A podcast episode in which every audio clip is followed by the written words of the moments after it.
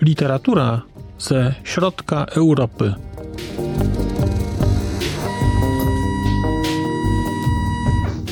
Podcast około książkowy.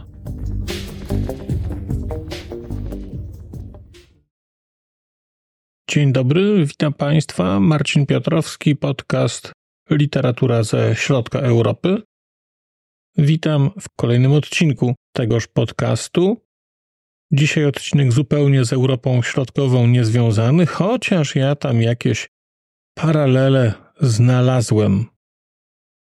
W ramach cyklu Nonfiction November, a właściwie komiksowego wydania Nonfiction November, które w tym roku Państwu prezentuję, chciałem opowiedzieć Państwu o książce Soniego Liu, książce zatytułowanej Życie i czasy Charlie'ego Chan Hokchai. Jest to książka, która ukazała się w roku 2021 w Polsce nakładem wydawnictwa Mandioka, wydawnictwa, które wydaje komiksy bardzo interesujące. Trochę ich z Mandioki mam, ale ten akurat kwalifikuje się pod non-fiction, więc w tym miesiącu chciałem go Państwu zaprezentować. Komiks został przetłumaczony przez pana Jacka Żuławnika i chylę czoła przed jakością tego przekładu, ale do tego też za czas jakiś przejdę. Prezentuję ten komiks w ramach cyklu Nonfiction November, aczkolwiek mam pewne wątpliwości, a właściwie miałem pewne wątpliwości, czy nie jest to jakaś forma nadużycia. Ale po lekturze tego komiksu nie mam takich wątpliwości. No więc zaczynajmy. Życie i czasy Charlie'ego Chang Hokchai to jest opowieść o singapurskim rysowniku komiksów. O człowieku, który urodził się w roku 1938. W roku 2014, kiedy ten komiks był pisany, miał więc 76 lat. Charlie jest człowiekiem, który związany jest z Singapurem od początku i także od początku jest związany z singapurskim rynkiem komiksu. Kiedy mówię jest związany, nie sprawdziłem tego, mam nadzieję, że Charlie żyje i ma się dobrze, to mówię o takim bardzo, bardzo głębokim funkcjonowaniu w ramach tego świata i poświęceniu właściwie całego swojego życia na pisanie, rysowanie komiksów. Życie i czasy Charlie'ego Chang Hokchaya to jest komiks, którego brzmienie tytułu w wersji oryginalnej, w wersji angielskiej to jest The Art of Charlie Chang Hokchai, czyli sztuka Charlie'ego Chang Hokchaya. Zwracam na to uwagę, bo wydaje mi się, że jeden i drugi tytuł, czyli tytuł angielski oraz tytuł polski, mają swoje uzasadnienie i nie dziwię się tłumaczowi, że podjął decyzję o nadaniu takiego tytułu. Jednocześnie ten tytuł angielski też coś wnosi, też coś mówi. Za chwilę pewnie zorientują się Państwo dlaczego. Moja wiedza na temat Singapuru była bardzo ogólna. To znaczy, kiedyś wiedziałem, że leży w Azji. Dokładnie gdzie leży, dokładnie. Dowiedziałem się wtedy, kiedy czytałem II wojnę światową Winstona Churchilla i tam ten upadek Singapuru jest dopisany dosyć szczegółowo, bo jest to coś, co się Anglikom będzie jeszcze długie wieki śniło, jako chyba jedna z większych kompromitacji ich armii i marynarki. Ale właściwie poza tym, że funkcjonuje tam taki, no powiedzmy sobie jasno, reżim, taki konfucjański reżim, który ma całkiem niezłą prasę, jak na to, czego się dopuszcza, to właściwie niewiele o tym Singapurze wiedziałem. Dopiero kiedy spojrzałem teraz na mapę, zorientowałem się, że Singapur leży prawie na równiku. W ogóle nie miałem o tym pojęcia. Uważałem, że leży znacząco wyżej. Tymczasem on leży chyba na szerokości jeden stopień północnej, więc jest właściwie tuż nad równikiem. I dzięki książce o Charlim sporo się o Singapurze dowiedziałem. I dlatego uważam, że mówienie o tej książce w konwencji non-fiction nie jest nadużyciem. Ta książka bowiem wprowadza czytelników i to takie osoby jak ja, które w ogóle nie mają pojęcia o tym, co się w Singapurze działo, w kontekst historii społecznej, politycznej Singapuru drugiej połowy XX wieku. To jest takie bardzo szczególne miejsce o ogromnym znaczeniu strategicznym, dlatego było zarządzane, było pod wpływami brytyjskimi, japońskimi, później jakimiś znowu brytyjskimi, później w formie jakiejś współpracy, czy częściowo nawet funkcjonowało w ramach państwa, które nazywa się Malezja. Ale ostatecznie Singapur jest niepodległym państwem, miastem. Kojarzymy go w większości z takim bardzo dobrze prosperującym, zamordystycznym reżimem, który jednakowoż ma świetne wyniki gospodarcze, a sam Singapur no, jest takim bardzo nowoczesnym miastem.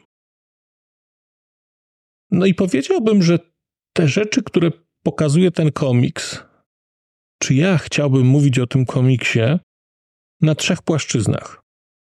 Na płaszczyźnie formalnej, o tym, jak ten komiks jest narysowany, na płaszczyźnie bohatera, kim jest bohater, i na takiej płaszczyźnie, powiedzmy sobie, historii Singapuru.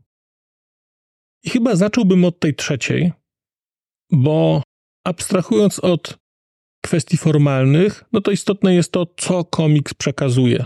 Zwłaszcza, że ośmielam się go prezentować Państwu w ramach cyklu Nonfiction November. A na okładce jest robot. Robot, który rzuca autobusem. Więc można byłoby powiedzieć, no chyba jakieś jest to gigantyczne semantyczne nadużycie. Ale niekoniecznie, ale niekoniecznie.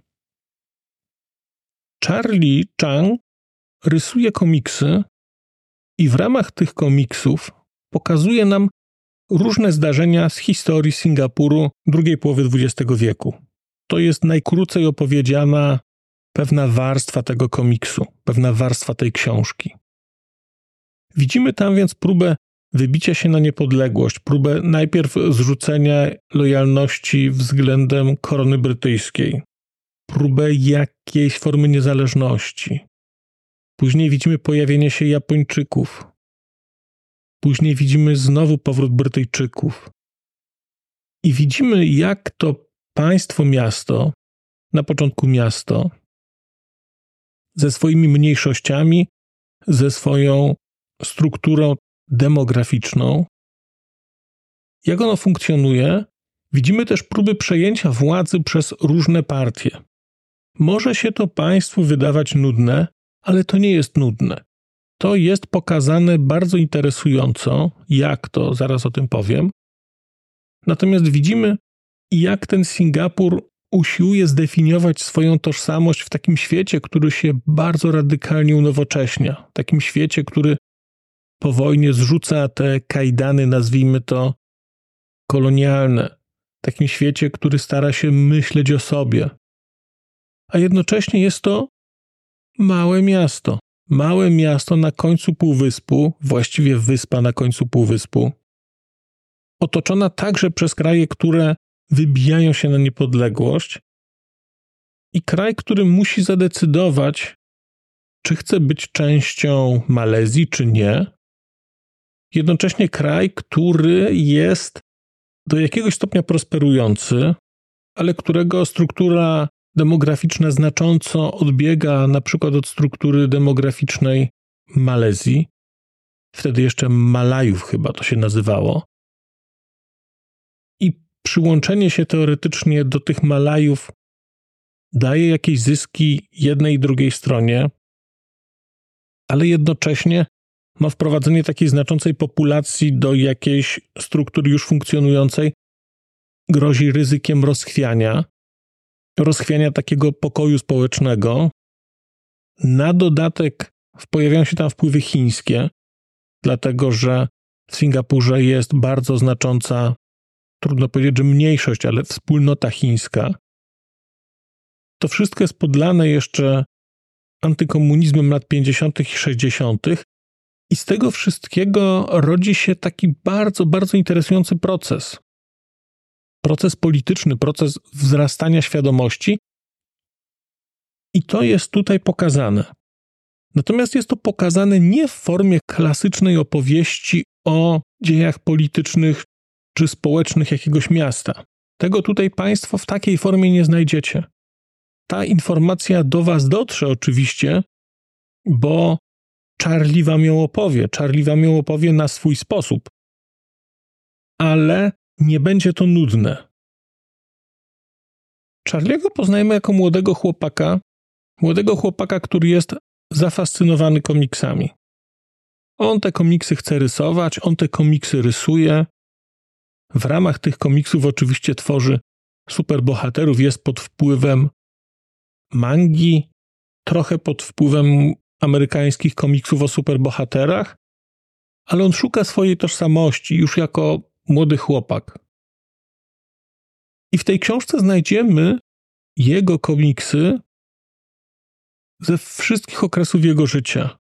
Od szkiców dziesięciolatka, czy tam siedmiolatka, szkiców przedmiotów, draftów jakichś, poprzez komiksy, które jako taki bardzo wczesny nastolatek rysował, które mają estetykę i kreskę bardzo wyrobionego graficznie, ale jednak wczesnego nastolatka. Przez komiksy nastolatka, człowieka, który dojrzewa, do komiksów już starszego, bardzo dojrzałego człowieka, który patrzy na swoje życie wstecz i nadal rysuje. I Charlie jest człowiekiem, który właściwie życie podporządkował komiksom, który cały czas te komiksy chciał rysować, który rezygnuje z rodziny po to, żeby komiksy rysować, który pracuje jako nocny stróż, kiedy nie ma już innej okazji i jest w tej pracy szczęśliwy, dlatego że ma czas, żeby rysować. Te obowiązki nocnego stróża w jakimś biurze dużym nie są bardzo zajmujące. No, wystarczy się kilka razy w nocy przejść, a w zamian dostaje się ciszę, spokój i możliwość rysowania tego, co się chce. Charlie za tę swoją pasję płaci. Traci przyjaciół, traci częściowo rodzinę, dlatego że ludzie dorastają, ludzie się usamodzielniają, ludzie stwierdzają, że już nie będą pracować za darmo przy jakichś komiksach, tylko muszą zarobić na chleb dla swojej rodziny, chcą robić coś, co będzie użyteczne. I kiedy patrzymy na Charliego, to widzimy człowieka artystę, człowieka, który poświęca swojej pasji, swojej sztuce, swojej twórczości właściwie całe swoje życie, cały swój czas. Wszystko jest dla niego komiksem. I w tej książce na ponad, nie wiem, wydaje mi się, że na ponad 300 stronach znajdziecie Państwo właśnie dokonania artystyczne Charliego. Dlatego mówię, że angielski tytuł tej książki, czyli The Art of Charlie, jest również uzasadniony, bo ta książka jest hołdem dla Charliego Chang Hokchaya, dla jego sztuki, dla jego pracy, dla jakości rzeczy, które tworzył, i oglądamy tam rzeczy, które stworzył na przestrzeni całego życia. To jest tak poukładane, że może stanowić rodzaj albumu opowiadającego o tym, jak Charlie pracował. No i teraz przeszedłbym do części głównej, czyli do opowieści o formie tej książki, bo jest to coś, co jest zupełnie wyjątkowe. Zupełnie wyjątkowe. Ja nie czytałem dużo komiksów do tej pory, ale kiedy tę książkę wziąłem do ręki, to zakochałem się w niej po pięciu stronach i później tylko odkrywałem kolejne warstwy. Jest to jedna z najpiękniejszych książek, jakie chyba w ogóle widziałem w życiu, które miałem w rękach. Ukłony wielkie i szacunek dla wydawnictwa za to, że tak starannie tę książkę wydała. to jest pewna całość od okładki, przez szycie, które także jest kolorowe, do jakości druku. To jest coś cudownego na poziomie czysto fizycznym. Dlatego, że znajdziecie Państwo w tej książce rysunki Charlie'ego, reprodukcje tych rysunków z bardzo różnych okresów życia. I one wszystkie są zreprodukowane w taki sposób, że oddają prawdę o tamtych czasach. To znaczy, kartki, na których rysował jako dziesięciolatek, to są kartki z lat czterdziestych. One są, no widać, że gdzieś wyciągnięte, są pomięte, są po prostu stare. Jakość tych rysunków jest bardzo różna. I to jest tutaj tak zrobione, że niektóre kartki są białe, bo to są kartki, które rozgrywają się współcześnie. Właściwie każda karta, każda strona tej książki wygląda nieco inaczej. One mają nadaną taką quasi-fakturę. Mówię quasi-fakturę, no bo to wszystko wydrukowane jest na jednym rodzaju papieru. Ale jakość druku jest tak oszałamiająca, że macie Państwo wrażenie, że oglądacie na przykład jakiś papier pakowy, że niektóre strony wydrukowane są na jakichś kartkach z bloku, niektóre wydrukowane są na kartkach segregatora, niektóre są namalowane na płótnie. To jest oszałamiająco dobrze zrobione technicznie i wydane w taki sposób, że no oko się w tym gubi. I jest człowiek oszukany, to znaczy patrzy na coś i wie, że to jest papier, ale to wygląda tak, jakby to był olej. Albo jakieś suche pastele albo jakiś stary papier spłowiały.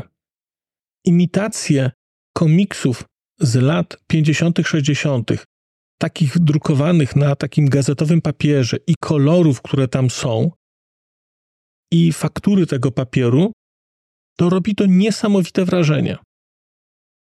Kolejną taką rzeczą bardzo interesującą jest to, że mamy w tej książce dwóch narratorów. Pierwszym narratorem jest Sonny Liu, czyli autor, i on się w tej książce także pojawia. On wprowadza nam postać Charliego i on o nim czasami coś mówi. Czasami coś tam od siebie dokłada, dokłada jakiś komentarz, ale bardzo wyraźnie to widzimy, dlatego że kreska Charliego, znaczy, przepraszam, kreska Soniego, rysującego siebie, jest zupełnie inna niż kreska Charliego. Ale widzimy, to nie musi być podpisane. My po prostu wiemy, że to jest Sony, jego jest bardzo niewiele, a większość książki to jest Charlie. Sony opowiada o sobie i o Charlim, Charlie opowiada głównie o sobie i o innych, ale raczej o sobie. Są też oczywiście inni bohaterowie dodatkowi, którzy też mają tutaj swoją, jakieś, jakieś swoje elementy narracji, ale to jest tych dwóch głównych narratorów. I teraz cała ta książka jest złożona z komiksów, które zostały przez Charliego narysowane. Komiksów albo serii komiksowych. Mamy tu więc w środku na przykład kilka zeszytów z historiami superbohaterów i one są właściwie wdrukowane całe w tej książce. Czyli będziecie Państwo mieli takie klasyczne superbohaterskie komiksy, kilka zeszytów z serii, która na przykład w oryginale miała trzydzieści kilka zeszytów. Będą więc komiksy o superbohaterach, będą komiksy kosmiczne, będą komiksy o robotach, będą komiksy kolorowe, czarno-białe, będą komiksy polityczne, będą paski takie gazetowe, będą komiksy satyryczne, rysowane w bardzo różnych kreskach. Właściwie każdy z tych komiksów pokazuje sposób rozwoju Charliego, ścieżkę rozwoju estetyczną, zawodową, taką profesjonalną. Do tego znajdziecie Państwo mnóstwo elementów graficznych, które funkcjonowały w tamtych czasach, które były przez Charliego także rysowane, bo on pracował także jako ilustrator. Rysował reklamy. Ja nie wiedziałem o tym, że na przykład w latach 50., żeby zachować pewność prezentacji rzeczy z powodu kiepskiej jakości druku czy reprodukcji fotograficznej, bardziej opłacalne było narysowanie produktu, więc Charlie rysował także produkty do gazet, które ukazywały się jako reklamy. Są więc no właśnie reklamy Jest mnóstwo takich szkiców, wstępnych plansz komiksowych, które dopiero później zostały przerysowane, formalnie wypełnione treścią. Są grafiki, są obrazy, bo Charlie jest też artystą, który malował czy maluje obrazy. Jest tego mnóstwo. Efekt uboczny tego jest taki, że jeżeli weźmiecie Państwo tę książkę do ręki po raz pierwszy i ją sobie przekartkujecie, to będziecie mieć wrażenie jakiegoś gigantycznego chaosu, bo właściwie co kilka stron jest coś narysowane kompletnie inaczej. Tu są strony żółte, tu zielone, tu jakieś kremowe, tu coś imituje papier, tu nie. Wydaje się, że nie ma w tym ładu i składu. Tymczasem jest to perfekcyjnie zaprojektowana struktura. Kiedy się tę książkę czyta, to wszystko z siebie jasno wynika i widzimy te rzeczy. Nie ma wrażenia żadnego chaosu. To jest na poziomie koncepcji wykonania, to jest dzieło geniuszu. Byłem zaskoczony, jak można poukładać to w taki sposób na poziomie wizualnym. Ale ten poziom wizualny niesie ze sobą coś więcej. Bo teraz poza tym, że mamy to pokazane, że mamy komiksy tematyczne, powiedzmy, o człowieku karaluchu, który pomaga biedakom w Singapurze. O człowieku, który budzi się na księżycu, który przez, został podbity w trakcie, kiedy był zahibernowany i stara się pomóc ludziom, którzy są rządzeni przez hegemonów, przez jakąś taką rasę, kogoś, kto przyleciał z Marsa chyba. Mamy opowieść o biurze, a właściwie o firmie papierniczej, która ma jakiegoś apodyktycznego szefa i w której na przykład wydaje się rodzaj newslettera. I te wszystkie rzeczy zmieniają się w czasie, narastają, gęstnieją, ale każda z tych rzeczy jest opowieścią o Singapurze. W każdej z tych rzeczy, w odmiennej stylistyce wizualnej, w odmiennej stylistyce narracyjnej, jest odniesienie do konkretnych kontekstów politycznych, które wtedy w Singapurze funkcjonowały. To jest coś niesamowitego. Kiedy oglądamy opowieść o księżycowym mieście wydaje się, że będzie jakiś od czapy komiks o gościu, który się obudził na księżycu, bo był zahibernowany, bo go rodzice zahibernowali, bo był chory na nieuleczalną chorobę. I okazuje się, że on się budzi i dowiaduje się, jak ten świat funkcjonuje, to nagle widzimy, że hegemoni, którzy tam są, to są Brytyjczycy. To jest rodzaj takiej super rasy, która tam przyleciała, która coś ustawiła, która niby rządzi, ale się chce z tego wycofać, ale nie do końca wie jak. Te wszystkie rzeczy się tutaj ze sobą przeplatają i widzimy, jak to się rozwija. To jest tak, że odwraca się kartkę i nie wiadomo, co będzie dalej, nie wiadomo, jaki będzie kolejny komiks.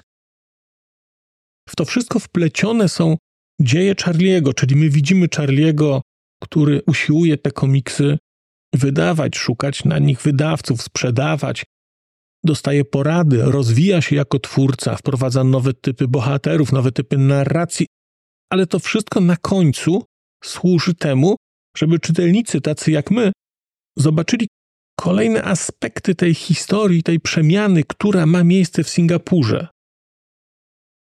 Czapki z głów za to, jak to jest zrobione. Czegoś takiego nie widziałem i no, zazdroszczę Państwu, jeżeli zdecydujecie się ten komiks przeczytać, zazdroszczę Państwu tej sytuacji, kiedy weźmiecie to i popłyniecie. I wcale nie musicie znać tego kontekstu, bo ja nie znam kontekstu komiksowego. Nie interesuję się tym. Bohaterowie ci z, nie wiem, z majtkami, które na wierzchu, tacy jak, co, co mają majtki na, na, ubrane na ubranie, jakieś peleryny, mnie to w ogóle nie interesuje. A jednocześnie ta książka wykorzystując tę stylistykę, opowiada bardzo ważne historie. No i właśnie, jakie historie ta książka opowiada, bo to jest, wydaje mi się, interesujące.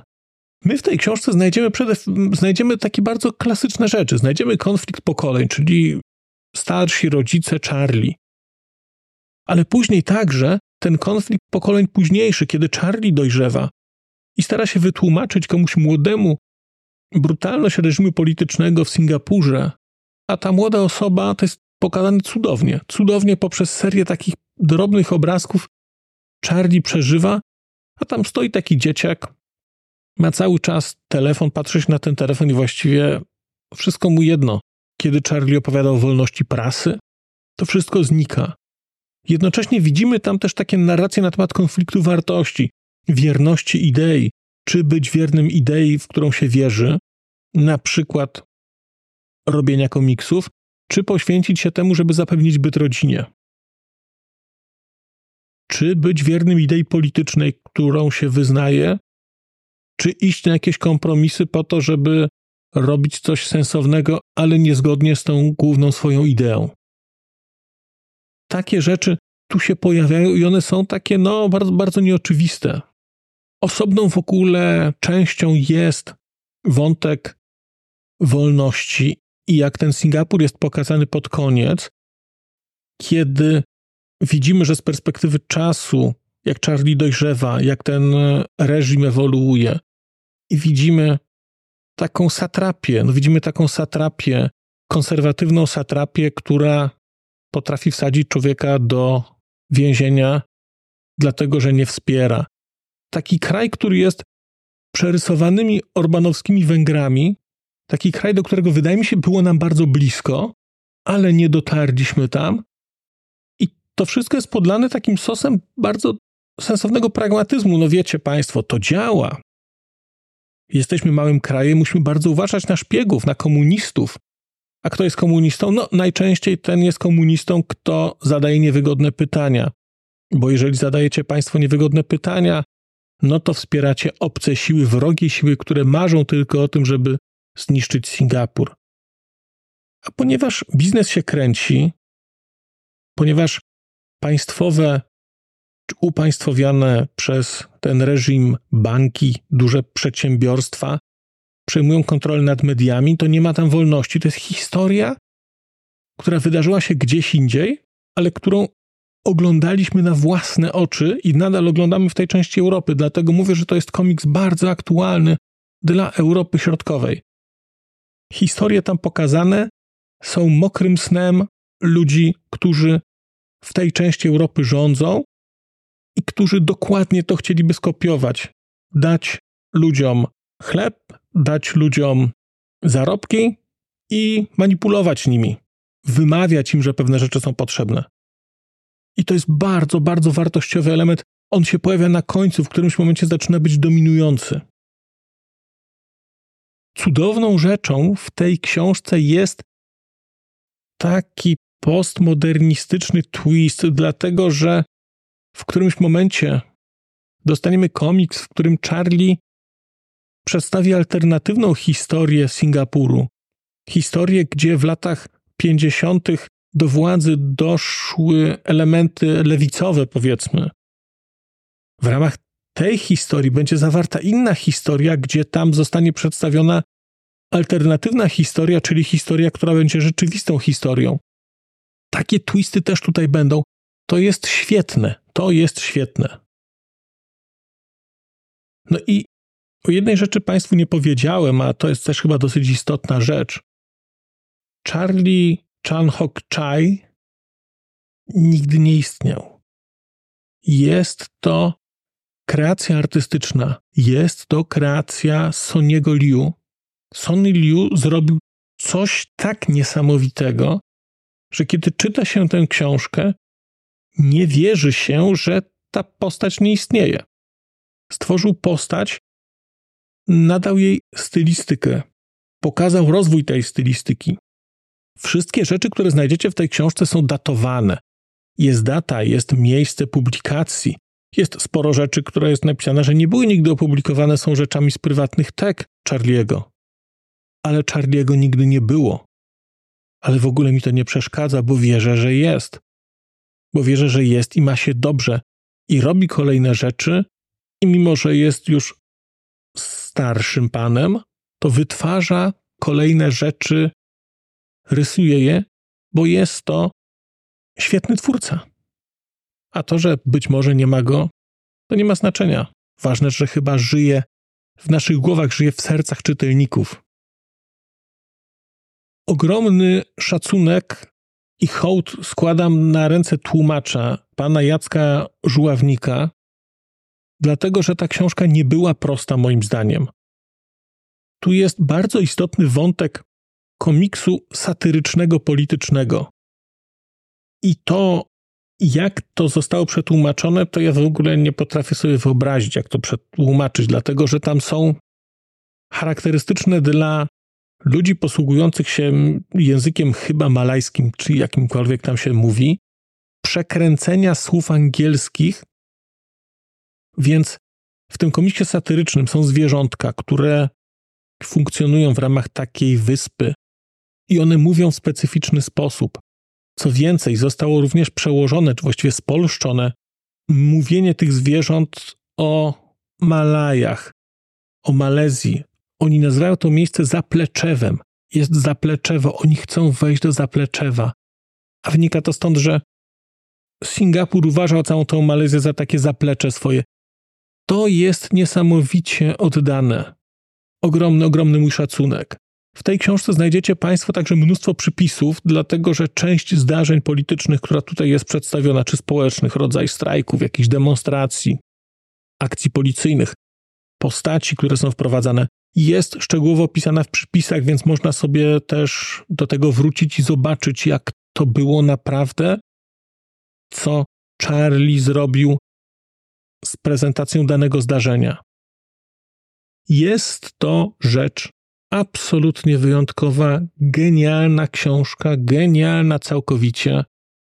Nie spodziewałem się, że można coś takiego napisać. Będę tę książkę właściwie wciskał, komu będę mógł, żeby spojrzeć, jak jest napisana, jak jest wymyślona. Sama koncepcja jest oszałamiająca. Ale jedna rzecz koncepcja, a druga rzecz przełożenie jej na realny projekt. A to jest realny projekt, to jest realna rzecz, to jest realna książka, czyli historia Singapuru, historia człowieka, pokazana przez jego pracę. I nie wiem, co powiedzieć. To znaczy, czapki z głów, czapki z głów. Z tego co wiem, ten komiks dostał mnóstwo nagród, takich najbardziej znanych w świecie komiksowym. One się chyba nazywają nagrodami Eisnera, ale wydaje mi się, że sprawdzę i przy jakiejś okazji wrócę do Państwa też z opowieścią o tych nagrodach, bo zaczyna mnie to trochę interesować. No bo nie wiem, czy on dostał znaczące nagrody, nieznaczące. Rzecz jest wyjątkowa. W opisie odcinka znajdą Państwo linki do materiałów YouTube'owych, gdzie ten komiks jest chociaż trochę pokazywany wizualnie, więc będziecie Państwo mieli okazję sobie na to spojrzeć.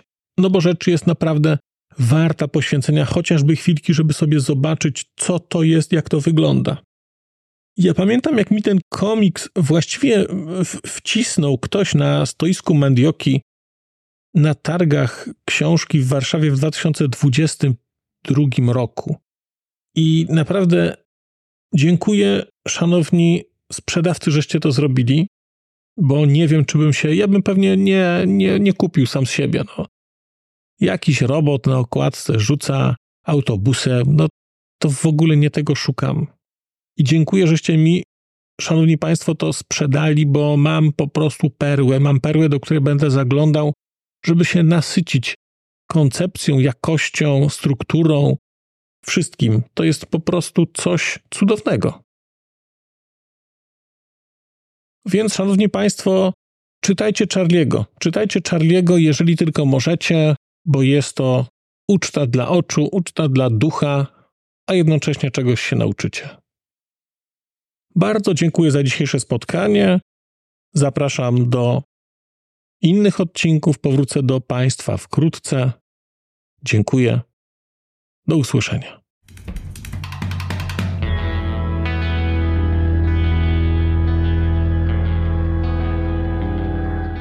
Bardzo dziękuję Państwu za wysłuchanie tego odcinka, bo skoro jesteście w tym momencie, to znaczy, że wysłuchaliście go do samego końca.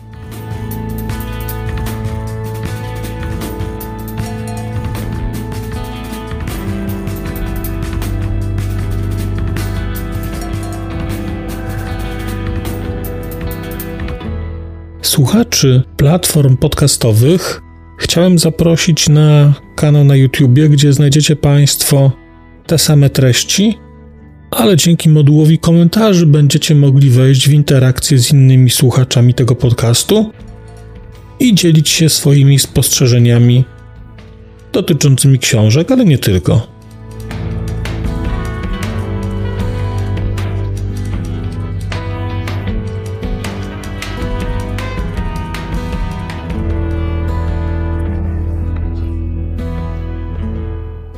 Oprawa muzyczna tego odcinka została zrealizowana na bazie muzyki słowackiego zespołu Longital.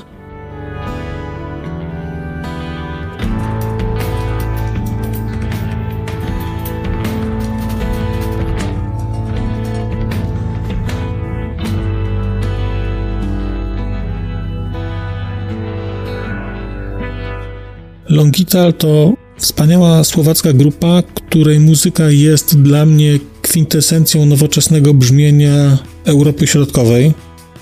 Bardzo Państwa zachęcam do posłuchania tego zespołu i chciałem podziękować Shinie i Danielowi, że zgodzili się na wykorzystanie ich muzyki w moim podcaście.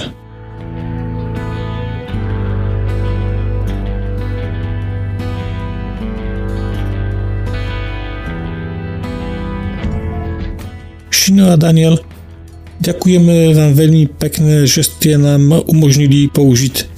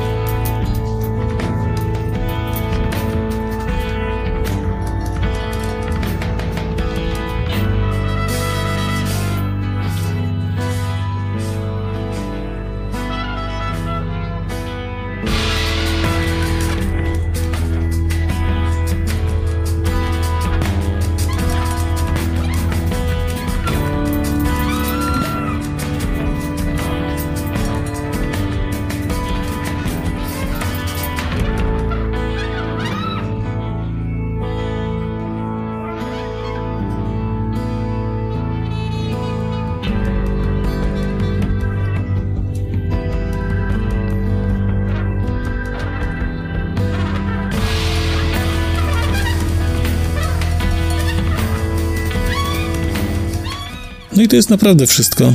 Dziękuję i do usłyszenia.